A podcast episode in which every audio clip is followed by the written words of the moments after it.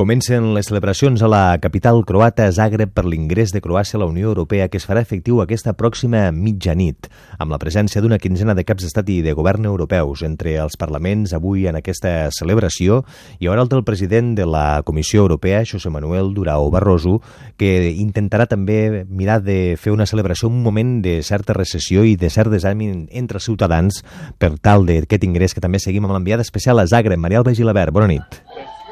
Hola, bona nit. Un moment de recessió dolent per a Europa, dolent pel país. Potser per això ha estat tan aplaudida la intervenció dels Chonkari, una tradició pagana per foragitar els mals esperits, però que es tracta en realitat de la seva versió del timbaler del Bruc. Són uns campaners eh, que es diu que van evitar fins i tot una invasió turca gràcies a les seves disfresses que els donaven aparença de mig monstre, mig eh, home, mig animal. Eh, la festa continua sense cap entrebanc. De fet, ahir l'assaig final fins i tot es van assajar els focs artificials. S'estan oferint actuacions musicals per tots els gustos, sobretot folclòriques, acompanyades de coreografies.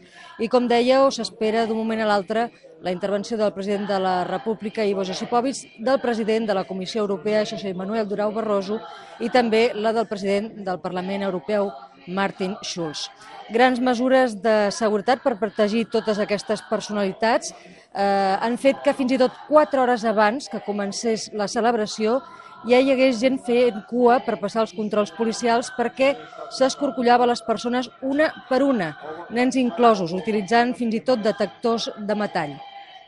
Afegir que a mitjanit els passos fronterers amb Eslovènia i Sèrbia seran els que oferiran la, el primer senyal visible i material que Croàcia ja és membre de ple dret de la Unió Europea.